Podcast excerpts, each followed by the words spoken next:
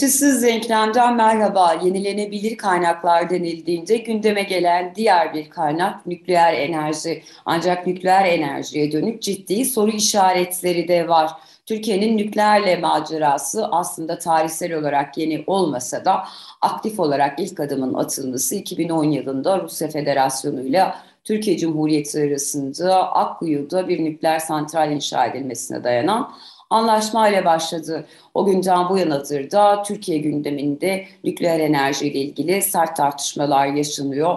Devlet bu enerjinin gerekli olduğunu savunuyorken sivil toplum örgütleri ve aktivistler bazı sorunlara işaret ediyorlar. Türkiye'nin nükleer enerji ile yolculuğunu bu hafta Elektrik Mühendisleri Odası Yönetim Kurulu üyesi aynı zamanda nükleer karşıtı platformdan Sayın Mehmet Özdağ'la konuşacağız. Mehmet Bey merhaba yayınımıza hoş geldiniz. Merhabalar, iyi yayınlar diliyorum.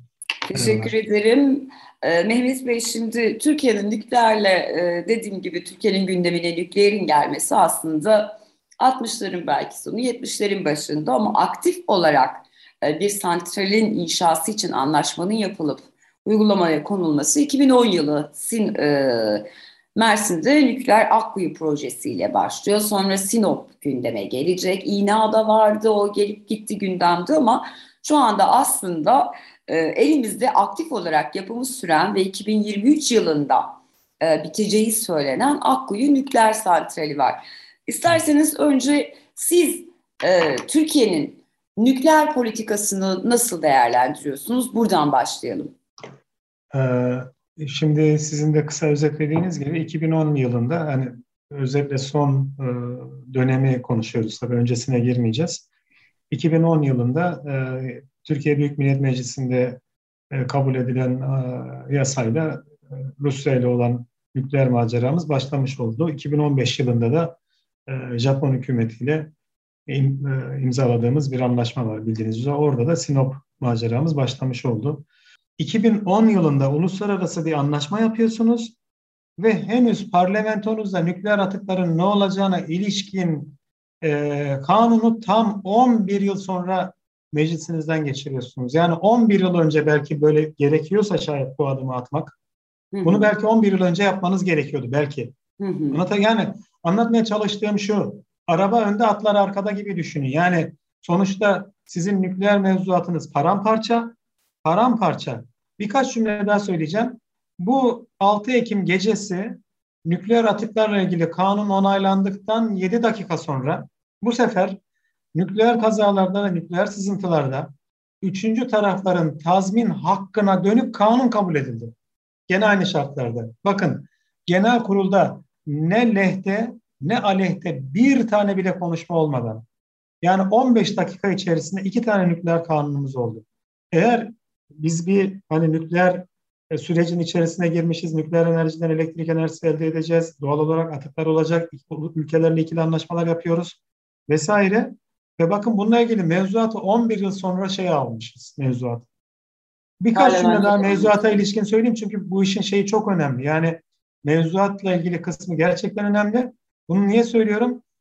Nükleer santral yapım sürecinin nasıl değerlendirilmesi gerektiğini yani mühendislik kriterlerine, akıl ve bilime ne kadar uygun olup olmadığı ile ilgili birkaç cümle söylemek istiyorum. Bakın 9 Temmuz 2018 Cumhurbaşkanlığı seçimlerinden sonra Sayın Cumhurbaşkanı yemin etmeden önce yayınladığı e, Cumhurbaşkanı kararnameleri var. Onlardan bir tanesi yani 702 sayılı Cumhurbaşkanı kararnamesi yemin teröründen önce nükleer düzenleme kurumunun kurulmasına ilişkin. Hı hı. Cumhurbaşkanlığı bakın 9 Temmuz 2018'de e, kararnameyle nükleer düzenleme kurumunu kuruyor ve 9 Mart 2021'de Anayasa Mahkemesi nükleer düzenleme kurumunu iptal ediyor. Yani bu kararnameyi iptal ediyor. Yani Türkiye'nin aslında bu arada da 28 Mart 2020'de de Türkiye Atom Enerjisi Kurumu kapatılıyor. Yani Türkiye'nin 1950 yılından beri barışçıl amaçlı nükleer enerji ve nükleer teknolojiye ilişkin politikalarını yönlendiren Cumhuriyet'in ana kurumlarından bir tanesi 28 Mart 2020'de kapatılıyor.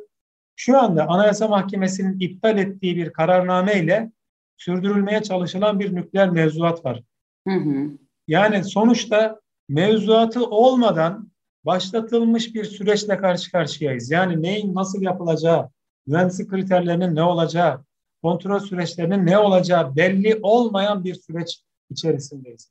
Bütün bunlar yaşanırken, bütün bunlar yaşanırken söz konusu Akkuyu'nun e, daha temelinde iki kez temel çatlağının olduğunu biz bir biçimde şantiye içerisindeki bilgilerden öğreniyoruz. Biz bu, bu kadarıyla sizlerin oraya gidip bağımsız bir biçimde denetim yapmanıza ya da gözlem yapmanıza izin verilmiyor değil mi? Mümkün değil. Ben inanın değil meslek odalarını, değil meslek odalarını iddia ediyorum. Oraya habersiz, randevusuz veya Türkiye Cumhuriyeti Devleti'nin bir bakanının bile rastgele elini kolunu sallaya gide, sallayarak gidebileceğine inanın ihtimal vermiyorum. Hani değil meslek odalarını.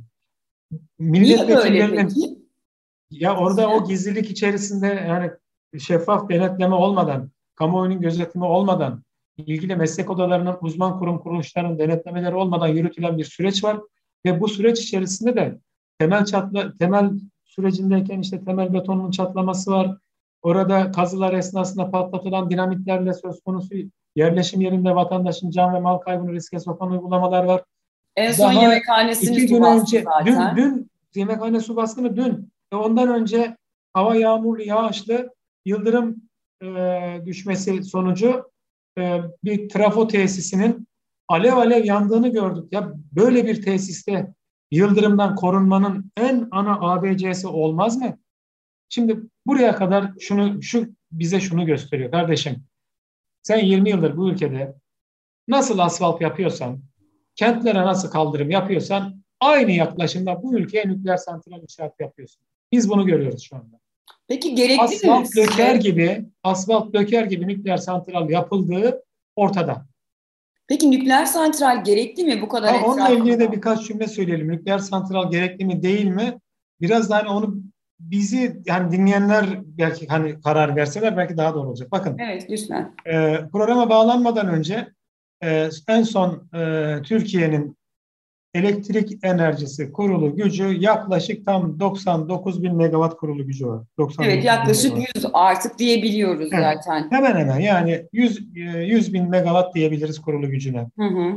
Ee, 2021 yılı içerisinde hani şu Ağustos ayının ilk haftası elektrik kesintileri oldu ya hatırlarsanız. Evet, evet. E, kesinti gezdirdiler. O e, Türkiye'deki en yüksek elektrik tüketiminin olduğu dönem. O dönemde tüketilen maksimum elektrik enerjisi ani maksimum puan değeri de 56 bin megawatt düzeyinde. Yani neredeyse yani, kurulu gücün yarısı kadar ya da yüzde altmışı diyelim. Yani en azından hani envantere kayıtlı, kağıt üzerinde kayıtlı kurulu gücümüzün hemen hemen yüzde 55'i, yüzde 56'sı e, o an Ağustos ayının o pik değer esnasında e, elektrik enerjisi tüketimi olmuş. Dolayısıyla yani bizim aslında e, hala hazırda elektrik enerjisi kurulu gücümüz açısından sahada kurulu e, ihtiyacın üzerinde bir kurulu gücümüz olduğu görünüyor. Şu anda bu var. Ve bu elektrik enerjisi kurulu gücü itibariyle bakıldığı zaman da aslında hani ister hidroelektrik olsun, ister rüzgar olsun, ister güneş olsun, ister kömür olsun, yerli ya da ithal, ister doğalgaz olsun hangi teknolojiyle, hangi kaynakla üretirseniz üretin, e, yaklaşık maliyet söyleyeceğim size.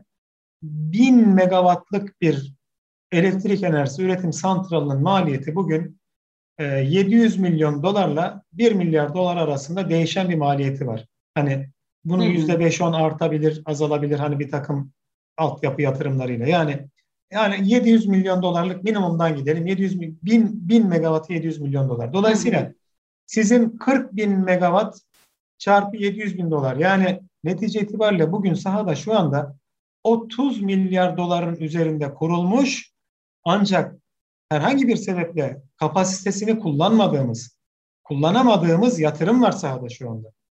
Ve Türkiye şunu yaşıyor, Türkiye şunu yaşıyor. 2018 biliyorsunuz yani ekonomik krizin e, görünür hale geldiği, e işte tanzim satış mağazaları uygulamalarıyla insanların patates soğan kuyruğuna girdiği 2018 yazına gidelim. Bakın 2018 yılından 2018, 2019, 2020 3 yıl boyunca Türkiye'de elektrik enerjisi talebi hemen hemen artmamış. Hı hı. E, yani normalde Türkiye'nin demografik yapısı gereği bu talebin yüzde üç, üç buçuk düzeyinde artıyor olması hani Türkiye'nin en azından gerilemediği anlamına gelebilirdi. Hani değil ileri gitmek anlatabiliyor muyum? Yani üç, üç buçukluk bir büyüme yani bu demografik yapının, ekonomik yapının gerektirdiği e, bir artış oranıydı ki artma olmamış. 3 yıldır yerinde sayıyor. Peki 2021'de ne olmuş? Bu 3 yıllık yerinde saymadan sonra bizim şu andaki tespitlerimize göre halen devam eden yaygın salgının görmezden gelinmesi ve üretim zorlamasıyla şu anda 2020 yılına göre e, yaklaşık %9-10 düzeyinde bir şey var. Hani talep artışı var. Hı hı. Netice itibariyle aslında e, son 3-4 yılda ciddi anlamda bir e, durgunluk yani sonuçlar elektrik tüketiminde bir artış olmuyorsa bunun ekonomi ayağındaki karşılığı durgunluk olarak söylenebilir.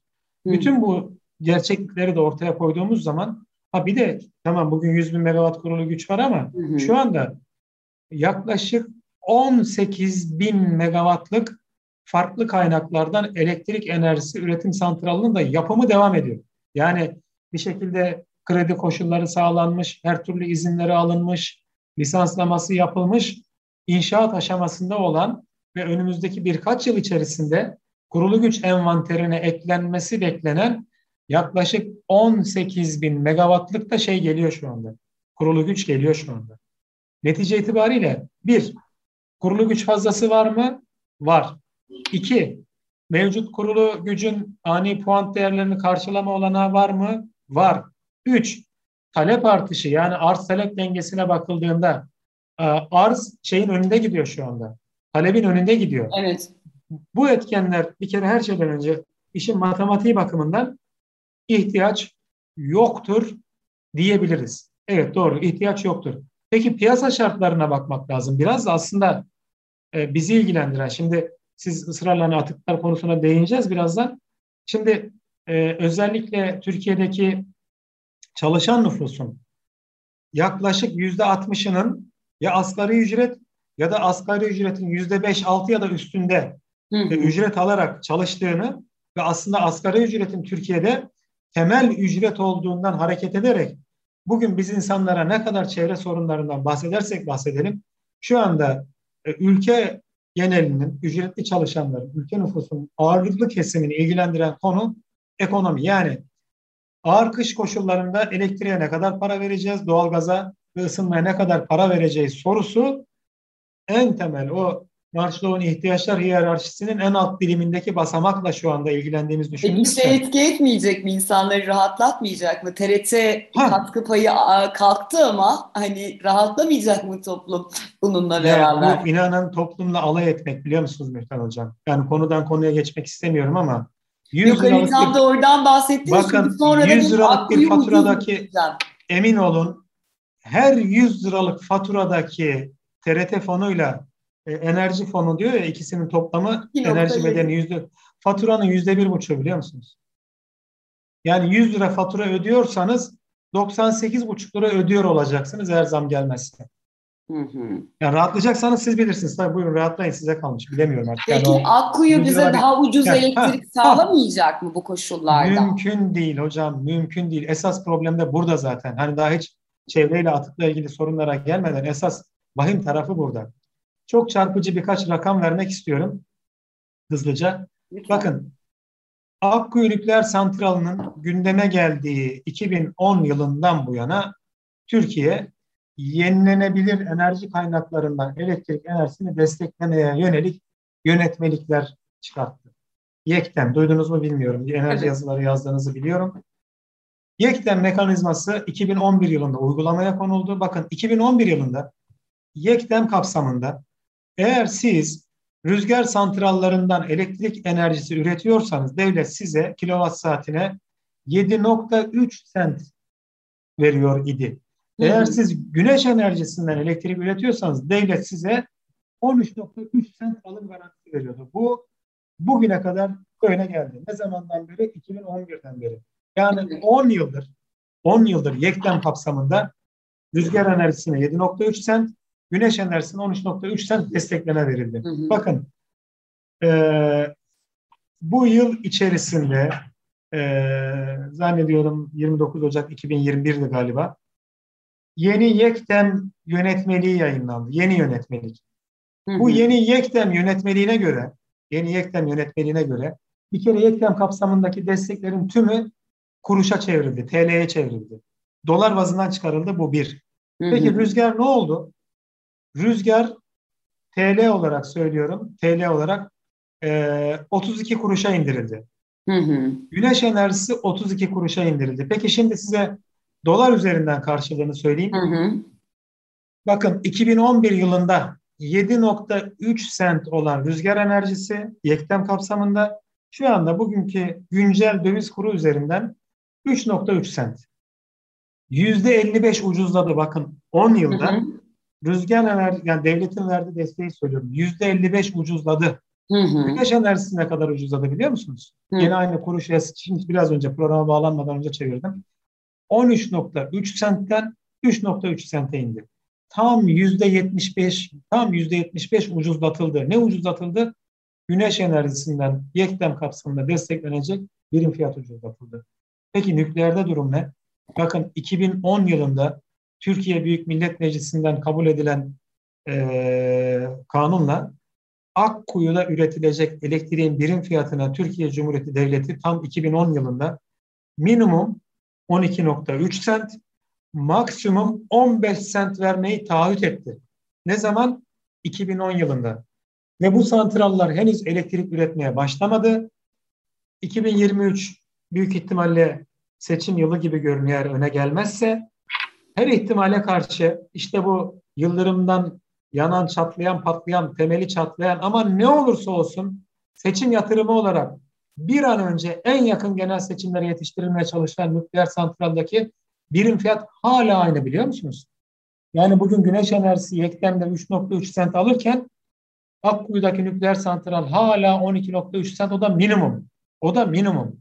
Dolayısıyla Üstelik bu, o sırada dolar da artmaya devam ediyordu. Evet. Şimdi evimize gelen fatura yani Mühtan, Mühtan Sağlam'ın evine gelen elektrik faturasının 47.43 yani her 100 liralık faturanın 47.43 kuruşu e, enerji bedeli. Hı hı. Yani 100 liralık e, yaklaşık 100 lira özür dilerim 100 liralık faturanızın 52 lirası enerji bedeli. Yani paçal olarak kömürden, doğalgazdan, rüzgardan, güneşten, e, alım garantili, alım garantisiz bütün üretilen elektrikten elde edilen paçal fiyat hala sizin evinize her 100 liralık faturanızın 52 lirası enerji bedeli. Ama 52 liralık enerji bedeline 100 lira fatura ödüyorsunuz. Yani enerjinin size maliyeti 5 sent, faturanız 10 sent. Evet. Hesap ortada. Hesap böyleyken enerji bedeli 12.3 sent olan bir elektrik elektriğin dağıtım bedeli vergi ve fonlarla size kaça geleceğini tahmin ediyorsunuz Mekan Hocam? Bundan 100 liranın çok çok üstüne çıkacak. Ya, ya işte e, tabii çünkü bunlar bazı büyük santrallar yani nükleer santrallar. Bugün bir ünitesi devreye girsin nükleer santralın bugün. Bugün üniteye bir ünite devreye girsin. Türkiye'nin tükettiği elektriğin tek başına yüzde iki buçuğunu üretecek bu santral. Çok ciddi bir güç bu. Evet. Ve dört ünite şu anda üçü biliyorsunuz başladı. Dördüncünün inşaat izni süreci devam ediyor. Ya bu dört ünite devreye girdiğinde bugünkü tüketimimizin yaklaşık yüzde onunu üretecek bu santral. Hı hı. Bu maliyetin altından bu insanlar 38 milyon mesken abonesi, 46 milyon elektrik abonesi, bunun içinde 600 küsür bin sanayicisi var, e, çeltik tarlasını sulamaya çalışan çiftçisi var, hı hı. Esnafı var. Yani hani siftah yapmadan dükkan kapatan esnafı var bu elektrik aboneleri içerisinde. Bu mali yani sonuçta bu EÜH üzerinden yani elektrik üretim anonim şirketi biliyorsunuz kamu kuruluşu. Ne kadar sübvanse edecek? Ne kadar görev zararı yazacak? Eğer Şu an doğalgazda ciddi bir sübvansiyondan e, bahsediliyor. Ya, Cumhurbaşkanı da söyledi. İşte, Sanıyorum e, ile beraber bu daha taşınmaz bir hale gelecek. Bir de ben son olarak e, evet. sizden atık mevzusunu dinlemek istiyorum. Süremiz birazcık daraldı çünkü şimdi dediniz ki böyle bir kanun çıktı atık aşağı atık yukarı çok duyuyoruz. Öncelikle Niye önemli? Bu nükleer atık dediğimiz ne? Niye sürekli millet, ülkeler birbirlerine göndermeye çalışıyorlar? Biz ne yapacağız? En büyük problem bu. Şimdi Türkiye bizim görebildiğimiz kadarıyla yani 6 Ekim 2021 tarihinde Türkiye Büyük Millet Meclisi'nde onayladığı ve maalesef ve maalesef genel kuruldaki hiçbir vekilin genel kurulda aleyhinde konuşmadığı, yani redoyu verse bile aleyhinde konuşmadığı bir kanunla Türkiye başka ülkelerin de e, nükleer atıklarını değerlendirmek üzere alabileceğini söylüyor. Şu anda Akkuyu Nükleer Santral sahasında bizim bildiğimiz kadarıyla söylüyorum. Yani Akkuyu Nükleer Santralı'nın anlaşmasında nükleer atıkların Rusya tarafından değerlendirileceği ibaresi var. Yani atıkların bir biçimde Rusya transferi söz konusu. Yani Türkiye'de sadece soğutma havuzlarında belli süreli bulundurulması gerekiyor. Yani nükleer santralın ömrü 60 yılsa belki 10 yıl kadar hani kullanılan çubukların e, nükleer santral sahasında soğutma havuzlarında bekletilip Rusya'ya gönderilmesi gibi bir durum var. Ama ama Sinop'ta durum böyle değil. Sinop'ta yani şu anda tamam ülkede ortada yapımcı ülkede kalmadı ama onaylanan anlaşma atıkların Türkiye'de saklanmasını da içeriyor. Dolayısıyla ben şeyi incelemiştim. Her iki santralda chat raporlarını inceledim. Hatta e, poster sunumlar hazırlayarak Türkiye'de en az 10 ili gezdim ben. Nükleer santral inşaatları karşılaştırmalı olarak. Akkuyu nükleer santralının hafriyat miktarı yaklaşık 10.2 milyon metreküp. Sinop'taki hafriyatın miktarı 30 milyon metreküpten fazla.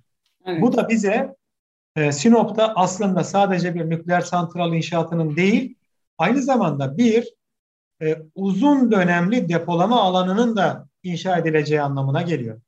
Evet. Dolayısıyla dünyanın çözemediği bir sorunla ve özellikle bir kere daha altını çiziyorum. 6 Ekim'de Türkiye Büyük Millet Meclisi'nde kabul edilen yasayla biz nükleer santral yapmasak bile örneğin Fransa ile yapacağımız ikili bir protokolle örneğin Almanya ile yapacağımız ikili bir protokolle o ülkelerin nükleer atıklarını güya değerlendireceğiz diye ülkemize alabiliriz. Ve biz maalesef 1980'lerden bu yana yani faşist askeri cuntasının dönemini hatırlayın ve cuntanın üzerinden 6 yıl geçmesine rağmen bilim insanlarının Çernobil'in etkilerini, sağlık etkilerini, çevre etkilerini yaptıkları araştırmaların kamuoyundan gizlenmek zorunda kaldığı günleri ve e, Sanayi Bakanlığı'nın gözümüzün içine baka baka çay içtiği günleri hatırlayın. Bir de gelin bugünkü AKP hükümetinin yani bir saray rejiminin baskı dönemi içerisinde biz hangi şeffaf kamu yönetimine güveneceğiz Mürtan Hocam? Kime güveneceğiz biz? İnşaat sahasına bile giremiyoruz biz. Meslek odası ben Elektrik Mühendisliği Genel Merkez Yönetim Kurulu üyesiyim. İnşaat sahasına giremiyorum ben. Kime güveneceğiz biz? Hangi ülkenin atını niye aldığımızı. O yüzden gerçekten çok vahim bir durum var. Bu enerji, nükleer enerji sadece ekonomik değil, etik dışı bir enerji. Bir kere her şeyden önce bu yönüyle de. Anladım. Çok teşekkür ediyorum Mehmet ben Bey. Ben teşekkür ederim. Hem ekonomi Umarım faydalı hem... olmuştur. çok faydalı oldu. Hem çevre boyutunu hem e, üretim boyutunu hem de depolama kısmını ve ekonomik olarak bize yansımalarını anlamamızı yardımcı oldunuz. Mehmet Özdağ'la birlikte Eşitsiz evet. Denklem'in bu bölümünde Türkiye'nin nükleer enerjiyle olan imtihanını, bu sürecin çevresel boyutunu, ekonomik boyutunu ve Sinop'ta aslında, karşı, aslında karşımıza çıkabilecek olan bir depolama boyutunun da olabileceğini ele almaya çalıştık. Bizi izlediğiniz ve dinlediğiniz için teşekkür ederiz. Hoşçakalın.